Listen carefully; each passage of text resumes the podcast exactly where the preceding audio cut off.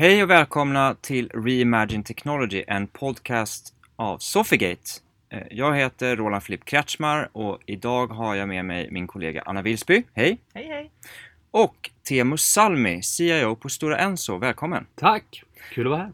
Jätteroligt att ha dig här. Du tillträdde ju som eh, CIO för Stora Enso för drygt ett och ett halvt år sedan. Mm, stämmer. Jag tänkte att vi skulle börja lite och kika på vad gjorde du dina första hundra dagar? Hur byggde du din liksom, plan?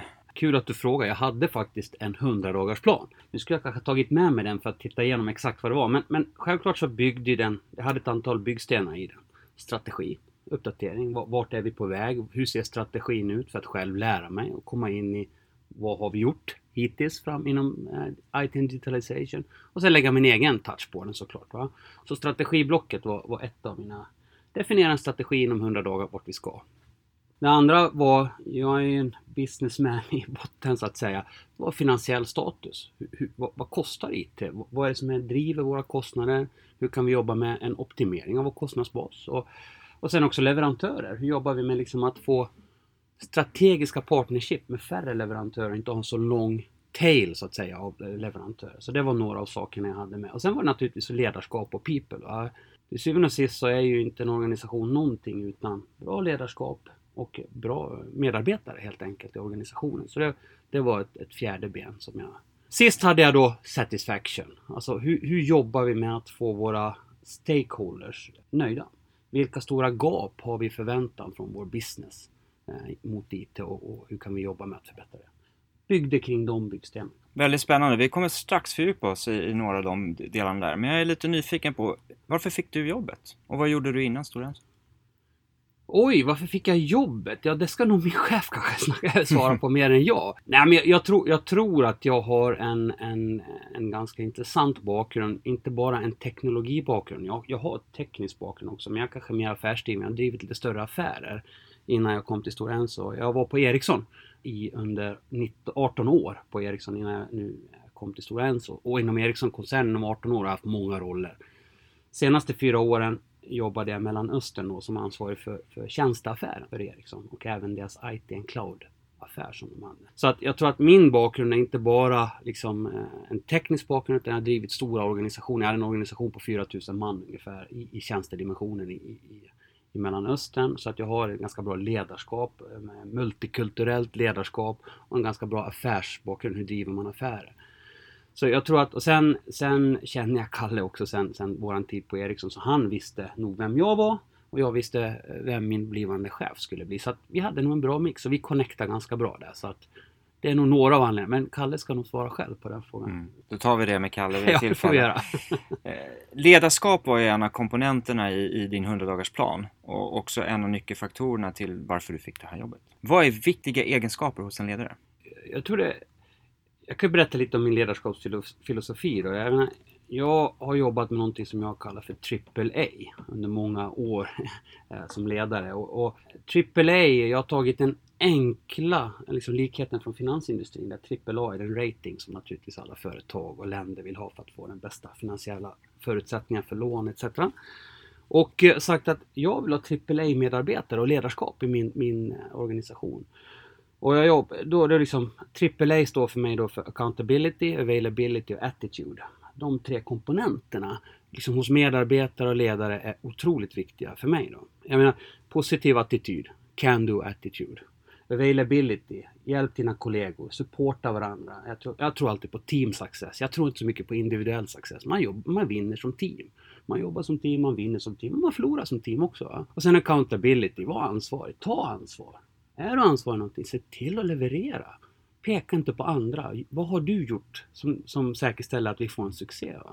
Det är det fundamentala som jag mycket pratar om med mitt AAA-koncept i, i, i ledarskapet. Då. Så när det gäller att hitta och attrahera talanger då med de här egenskaperna, hur, hur gör ni för att göra det? Vi vet ju att det är väldigt slagsmål om talanger framförallt inom IT. Ja, det, det, det, det är tufft där ute. Jag tror att det gäller att, att attrahera med, de, dels med då företaget. Liksom. Var ligger företaget i tiden? Hur ligger företaget i tiden? Vad gör vi inom företaget? Exempelvis vår IT och digitaliseringsagenda som är väldigt attraktiv. Den attraherar mig. Jag kan ju bara, jag kan bara börja med mig själv. Va? när jag pratade då med, med, med min chef om liksom vad vi skulle göra och var vi är på väg någonstans. Jag var otroligt attraherad. Sen insåg jag också hur lite jag visste om Stora Enso innan jag började läsa på.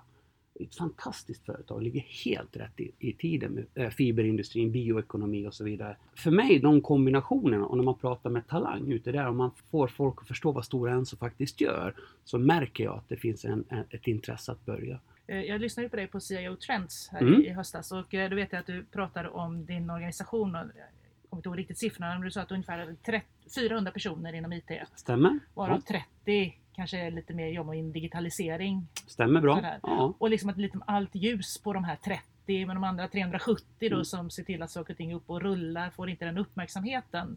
Och liksom hur balanserar man det som, som ledare och som chef? Jag tror det är, otroligt, det är en väldigt bra fråga va? Och, och, och det är otroligt viktigt att inte glömma det. Det är ju ofta så att, att de som släcker bränder och, och som syns mycket, de får också all, all kredit. Va? Medan de som gör jobbet i tysta och säkerställer att liksom det funkar som det ska varje dag, ja, de syns ju knappt. va.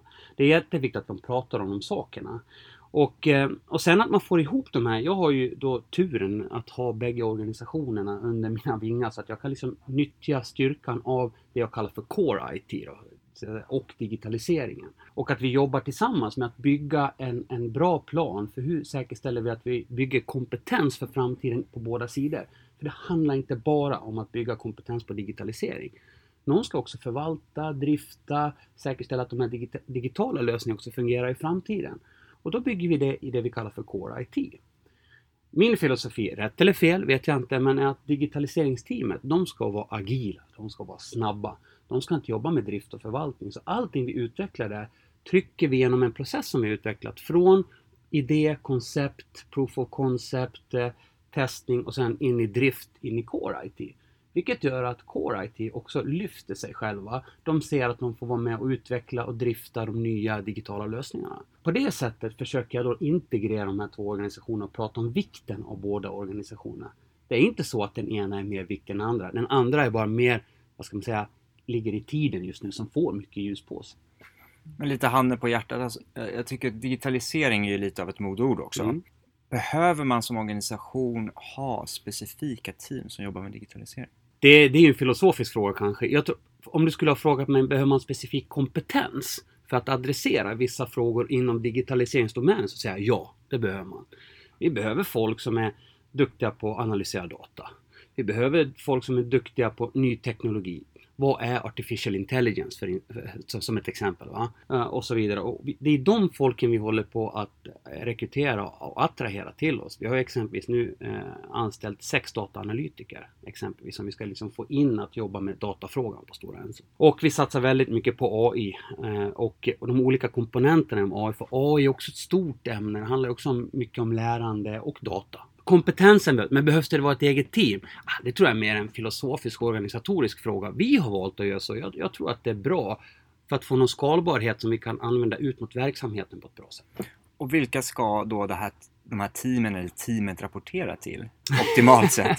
Ja, det där är väl också en filosofisk fråga, höll jag på att säga. Och det deb- debatterar väl det lärde. Jag kan bara säga så här, min erfarenhet nu när jag har haft liksom lyxen eller, eller, eller ynnesten att ha båda teamen under mina vingar, är ju att det finns en otrolig synergi och styrka i att ha teamen tillsammans. Om det sen är en CIO eller om det sen är en COO eller vad man nu väljer att kalla eh, rollen, spelar väl mindre roll. Men, men jag tror att man ska fokusera på att faktiskt det finns otroliga synergier att ha teamen tillsammans. Och så tror jag faktiskt också på att oavsett om det är en CIO eller en CEO så ska den rollen rapportera upp i koncernledningen till, till VD. Det tror jag för att det är en sån viktig komponent numera i, i, i alla verksamheter, teknikbenet. Och även transformeringsbenet för, för att IT och digitalisering driver på transformeringen av företaget. Det ska man inte glömma.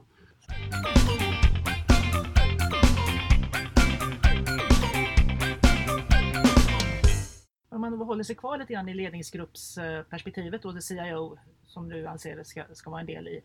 Utifrån din, din erfarenhet, liksom, vad är kompetensen inom ledningsgruppen kring IT-digitalisering generellt sett? Nej men alltså det, det, det, är, ju, det är ju individbaserat naturligtvis. Då, va? Och eh, jag, jag, tror att man behöver någon som driver på de här frågorna i ledningsgruppen. Det är inte tanken att alla ska vara jätteduktiga på teknik och förståelsen kring teknik och hur det kan hjälpa företaget att transformera och driva sig framåt. Va? Så att det är väldigt individberoende skulle jag säga. Generellt sett tror jag att vi har en ganska hög förståelse vad teknik kan göra för att påskynda transformering av företaget. Sen när det kommit ner till specifika teknikfrågor så är den naturligtvis individberoende. Men jag tror att det behövs en, en motor. Det behövs någon som tar den här frågan i ledningsgruppen och driver ledningsgruppen framåt med att visa på vad vi kan göra. Vad finns det för möjligheter? Och även ha en process för hur driver vi innovation och eh, utveckling av teknik framåt. I och med att du är den motorn i, i er ledningsgrupp då, hur håller du dig ajour och vad hämtar du inspiration och kompetens och kunskap ifrån? Ja, dels så har jag eh, ett fantastiskt team måste jag säga. Jag menar, jag har ju jag har ju rekryterat en CDO här i, i slutet på förra året som är otroligt kompetent, en bra bakgrund, stark teknisk kompetens, stark, stark affärskompetens. Han och jag, vi samarbetar väldigt bra ihop. Sen för mig försöker jag vara ute så mycket jag kan. Jag menar, jag måste ta, jag tar inspiration från, jag har startat ett eget CIO-nätverk exempelvis där vi pratar mycket om digitalisering. Jag är med i andra externa CIO-nätverk, jag går på föreläsningar, jag lyssnar in. Jag menar, ur det perspektivet är jag som vilken människa som helst. Då. Jag måste också lära mig. Eh, hur går teknikutvecklingen? Vad, vad, vad händer? Och hur kan vi applicera det på, på Stora Enso för att göra det relevant? Vad har du sett för exempel där ute då? Eh, andra företag eller andra mm, branschkollegor som har gjort det rätt och som du inspireras av? Ja, alltså, jag, jag, tror, jag tror frågan är fortfarande i sin linda. Det är väl kanske min, det är väl kanske min konklusion. Jag, jag tror vi alla branschkollegor och, och, och, så vidare. Vi, vi, vi, alla vill, det finns en vilja, det finns en otrolig vilja att satsa på digitalisering om vi börjar där. Teknikfrågan är högt uppe, sen är frågan hur driver man det här inom ett företag? Hur placerar man det här? Hur får man till innovation kring det här? Hur bygger man kompetens? Och hur attraherar man talang? De här frågorna är vi, vi är fortfarande i, i vår linda ska jag säga i, i, i många företag. Det är det här vi diskuterar ganska mycket om. Och hur hur säkerställer vi att innovationen till syvende och sist blir någonting som blir ett värde för företaget? Hur omvandlar vi all investering i experimentering och innovation in till ett värdeskapande? Och där tror jag vi har kommit långt. Vi har tagit fram en modell hur man jobbar med liksom innovation, experimentation och hur vi tar det vidare till, till benefit realization. Som vi kallar skulle du kunna fördjupa dig lite i den här modellen och ge något konkret exempel för lyssnarna? Ja, för det första så har vi tagit fram då, då en, en, modell för, för hur, hur, vi jobbar med experimentering. Det, det, är en sak då. Och hur man från experimentering, precis som jag sa lite tidigare, tar experiment in till en scale-up i, i vår core IT. Det är ett exempel. Andra är naturligtvis att för att driva innovation som består av resurser resurser i, folk, i, form av folk, kompetens, kunskap men också pengar. Och ja, vi har ju liksom fått en möjlighet. Vi har 10 miljoner euro som vi spenderar varje år på innovation inom digitalisering. De pengarna satsar vi genom något vi kallar för Digital Fund. Så vi har etablerat en, en, en, en fond där vem som helst inom Stora Enso kan eh, ansöka om att få pengar för en bra idé att genomföra med hjälp av ny teknik. Ny, det finns ett antal kriterier för att du ska få de här pengarna är till ditt förfogande. Det ska vara ny teknik, det ska vara en ny idé, det ska vara något som inte har testat förut och så vidare. Och du ska ha tid själv att genomföra idén. För det är inte så att man bara kan komma med en idé och liksom dumpa den någonstans och förvänta sig att någon annan förverkligar den. Och genom den här fonden som vi har drivit i drygt två år så har vi, kommit, har vi fått fram ungefär 130 idéer. Alla 130 blir inte succéer, det är inte det jag säger, men 130 idéer har vi slängt pengar på, om man ska säga så, investerat pengar i. Och just idag när vi pratar, om vi tittar på den här om vi pratar om den här funneln som jag kallar det för, vi driver våra idéer ända till scale-up, så har vi två stycken som har gått från idé till scale-up, där vi just nu är i, i uppskalningsfas. Entreprenörskap som du beskriver här, det är ju väldigt populärt. Um, hur stor möjlighet har då de här idémakarna att själva vara med och både riska och chansa på framgångarna, det vill säga att mm. vara delägare ja. i sina idéer? dels är det ett krav. Alltså för att du ska få finansiering för din idé så, så är motkravet från, från oss på IT Digitalisering att du måste dedikera tid. Vilket då betyder att vi måste gå tillbaka till den organisationen och säga Är ni okej okay nu med att släppa den här individen på äh, deltid då? För att jobba med den här idén för att realisera den? Om vi inte får det, ja men då kommer det ju inte, det säger sig självt. Det, man kan liksom inte, en idé kan inte bara lämnas någonstans och förvänta sig att någon annan driver den. Men får de procent i ett nytt AB? Nej. Vi, vi, än så länge har vi inte kommit så långt. Så vi, vi är ju naturligtvis öppna i framtiden att titta på olika modeller. Även på hur man skulle kunna realisera rent kommersiellt goda idéer. Va? Eh, Men, men vi har inte kommit så långt än så vi har haft några spin-offs eller, eller, eller diskussioner kring spin-off.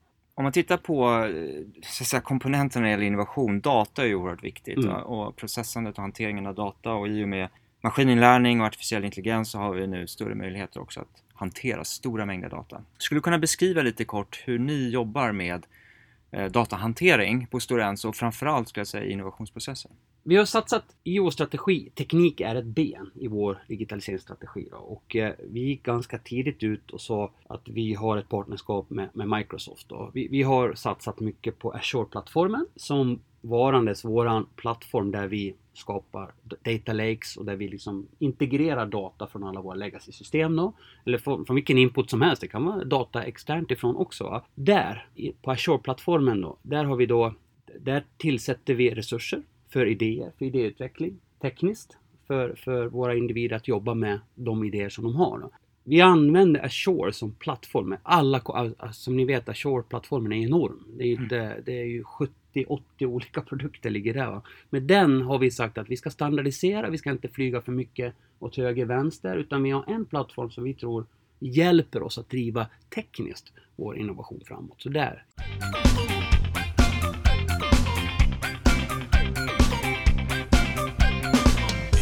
Vi har pratat mycket om innovation, hur det kommer internt ifrån med intraprenörskap och så vidare. Men hur jobbar ni tillsammans med kunder och andra partners för att driva er innovation? Som jag som kund har jag någon möjlighet att skicka in idéer och förslag. Jag, tror- jag tror att där är kanske vår största utmaning och, och kanske också vår bästa förbättringspotential skulle jag säga. Jag tror att vi måste jobba ännu närmre våra kunder i just innovation kring digitaliseringsfrågor. Nu tror jag att vi har en, en historik av att jobba väldigt nära våra kunder med vår produktutveckling, vår klassiska produktutveckling. Men just när vi kommer till digitaliseringsfrågorna så tror jag att där har vi ett stort förbättringsbehov. Då. Eh, Vi har jobbat och vi jobbar med att ta in input från våra kunder men, men kanske inte så strukturerat i form av projekt i specifika engagemang. Ja. Där tror jag att vi skulle kunna lyfta oss. eh, Om man då går tillbaka till det lite mer, som du nämnde, den mer klassiska produktutvecklingen. Mm. Och så, hur, hur är IT involverad i det? Ja, alltså där skulle jag vilja säga att lite mindre kanske. Där, där går man nog tillbaka till att, att, att leverera plattformar, att leverera eh, informationssystemstöd för att kunna göra klassisk produktutveckling med våra kunder. Vi, vi är inte direkt med i produktutvecklingen, så jag vilja påstå. Om vi backar tillbaka till eh, lite där vi började igen då. Prata om den här 100-dagarsplanen, att sätta en strategi, en målbild. Hur långt fram i tiden kan man egentligen planera idag? Eh, I digitaliseringens tidsålder. Jag tror organisatoriskt, ledarskapsmässigt, vart vill vi? Ambitioner? Ja, det tror jag att man kan sätta fortfarande ganska långt. Alltså, hur vill vi bli så att säga sedda som organisation? Vad är det för värde vi vill skapa till den totala organisationen? De typen av frågor ändras ju inte över en natt, utan de frågorna tror jag fortfarande man kan jobba med långsiktigt. Och, eh, och det gör vi ju.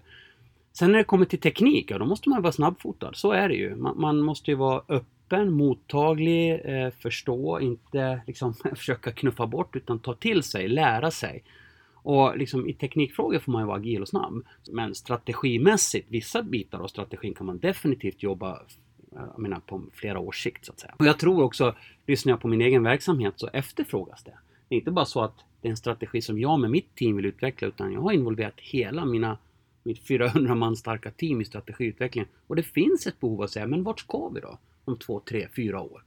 Och hur ska vi beskrivas internt som organisation för att liksom, hur ska vi lyckas som organisation internt? När jag hör dig beskriva eh, hur ni arbetar så tolkar jag det som att ni fokuserar mycket på att få IT och resten av verksamheten att verkligen samverka, att Ja. jobba väldigt nära varandra. Eh, vilka krav eller förväntningar har så att säga, verksamheten, affärssidan på er på IT? Jag tror att det finns en otroligt stor förväntan på att vi ska driva innovation. Att vi ska vara en innovationsmotor inom, inom företaget. Och, och här är ju det, det, liksom det klassiska. Här, här möts mycket teknikkompetens med affärskompetens. Och hur säkerställer man att man bygger en bra brygga mellan de, de bitarna då? Och där kommer det ner till individer.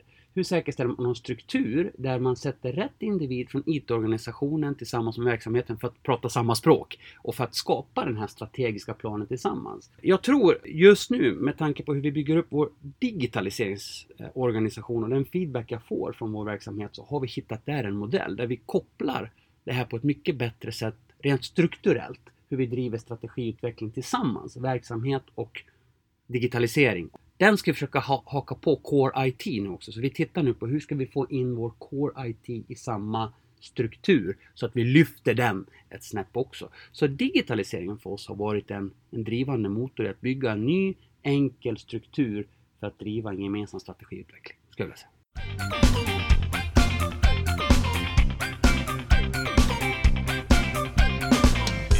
Men vi har ju pratat grann om det här med intraprenörskap. Men hur, hur jobbar ni för att eh, jobba med innovation tillsammans med kunder och partners? Eh, En bra fråga. En, en väldigt viktig fråga för oss också. Och, eh, dels att bygga ledarskap och kompetens har vi startat ett antal interna program, acceleratorprogram då, eh, där vi jobbar tillsammans med Aalto University i, i Finland och en, en accelerator i Finland för att scouta vilka eh, startups skulle vara bra för att eh, hjälpa oss med vår produkt och affärsutveckling på Stora Enso.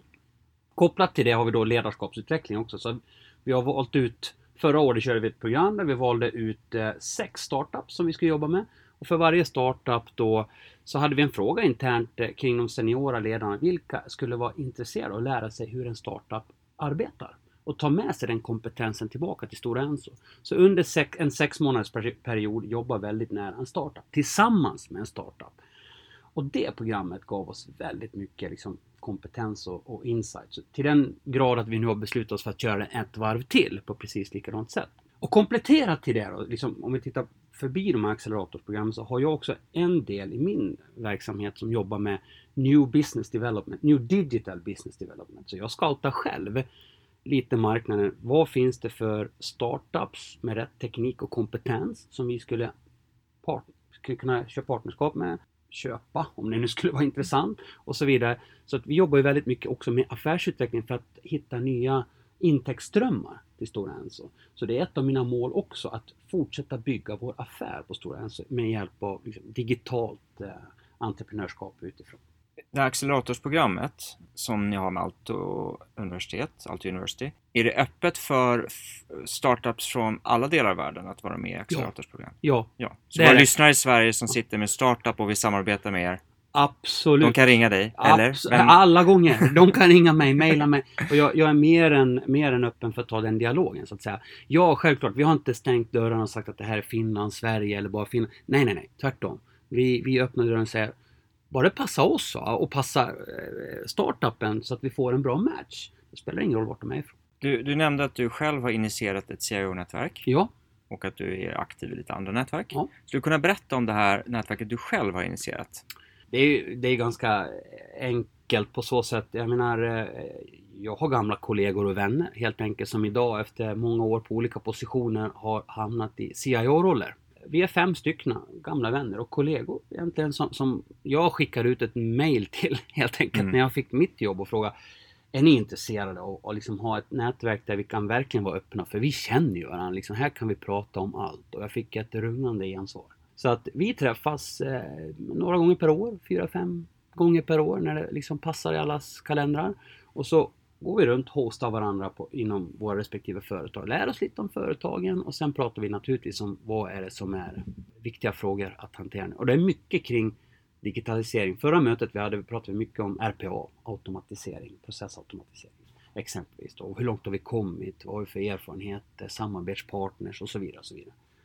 Och det styrkan med ett sådant nätverk är ju att det är stängt och det finns en otroligt hög trust så att säga, mellan oss som individer om, om vi kopplar tillbaka till där vi var precis innan då, det här med att få verksamheten och IT att samverka mer. Är det någonting som dina branschkollegor eh, också brottas med? Och... Ja, det är det. Jag, jag tror så här, att, eh, alltså jag, var, jag har ju själv jobbat inom inom IT för ja, tio år sedan ungefär när jag var på Ericsson så var jag faktiskt på IT-organisationen där också. Och jag känner igen samma frågor nu när jag kommer tillbaka tio år senare. Jag tror att det är svårt att brygga liksom, förståelsen kring teknologi och, och affärskompetens. Det är inte så lätt som man tror.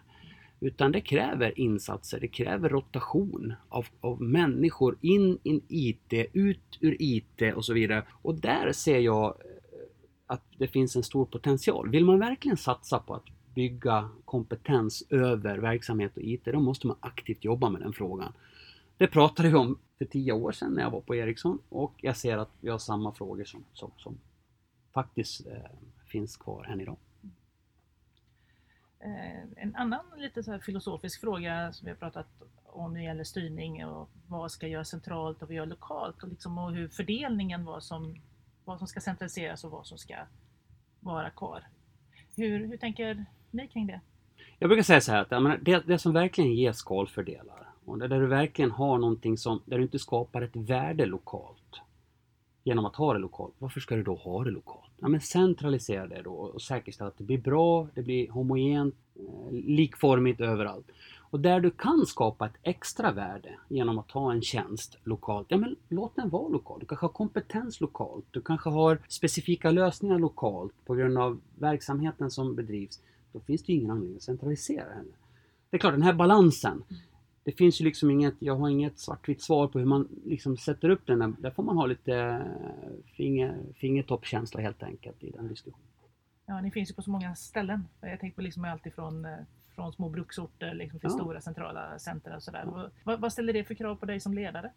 Ja, jag, jag, tror att det ställer, det ställer krav på att förstå vilka frågor är gemensamma som man absolut inte får liksom eh, rucka på ja, ta cybersecurity exempelvis. Jag menar det är ett väldigt hett ämne idag och, och eh, vi som alla företag påverkas dagligen av olika typer av kriminell verksamhet inom det gebitet om man säger så. Det är ju ett område oavsett om man har en centraliserad tjänst eller en decentraliserad tjänst. Där, där har jag en nolltolerans. Det, det är samma regler som gäller överallt.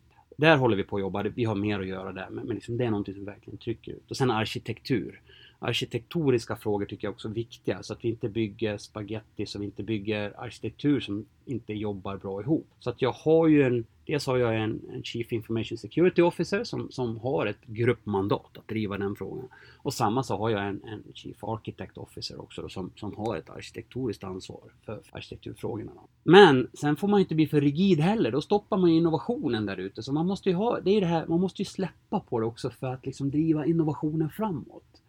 Så det är ju en, en balansgång där. Men ta de viktiga frågorna, säkerställ att du har dem på plats och sen släpper du lite grann på resten. Om tittar på er roll då. Verksamheten säger att ni ska vara någon slags innovationsmotor. Du jobbar väldigt aktivt för att få IT och verksamheten att samverka. Digitaliseringen är på något sätt den bryggan. Bland dina 400 medarbetare och några till. Men hur får man hela Stora Enso att haka på det här? Hur, får, hur skapar man den här verkligen disruptiva förändringen som framtidsrustar hela företaget, kulturellt sett.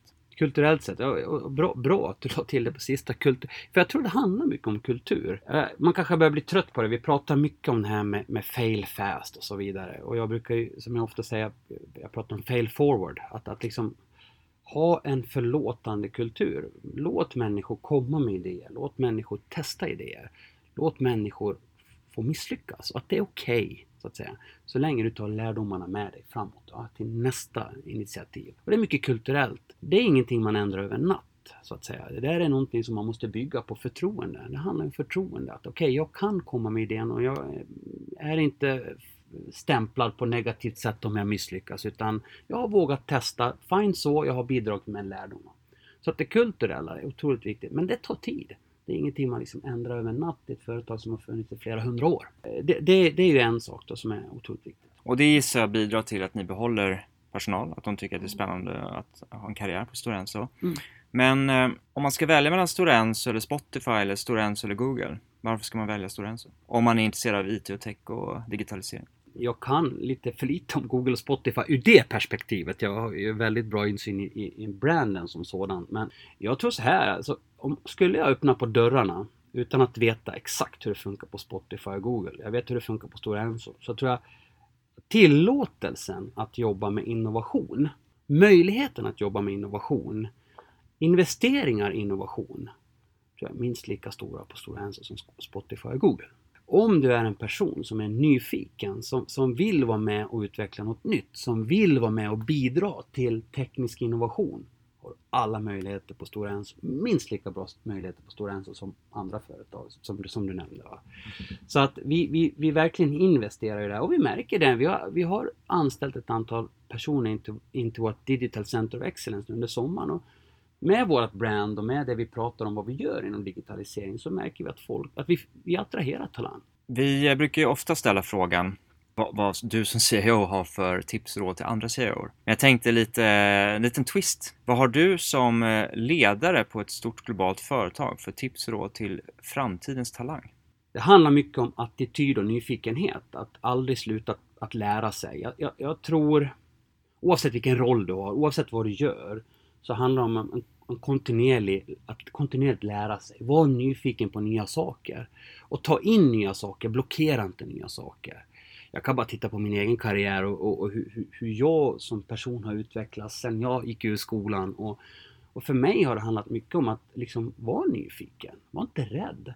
Visst, du, du, du kommer göra fel. Du kommer trampa på minor här och där. Men du lär dig av dem. Ta med dig dem. Fortsätt vara nyfiken, fortsätt utvecklas och ta in och lär dig. Jag tror så här, teknikutveckling, den kommer ju bli snabbare och snabbare.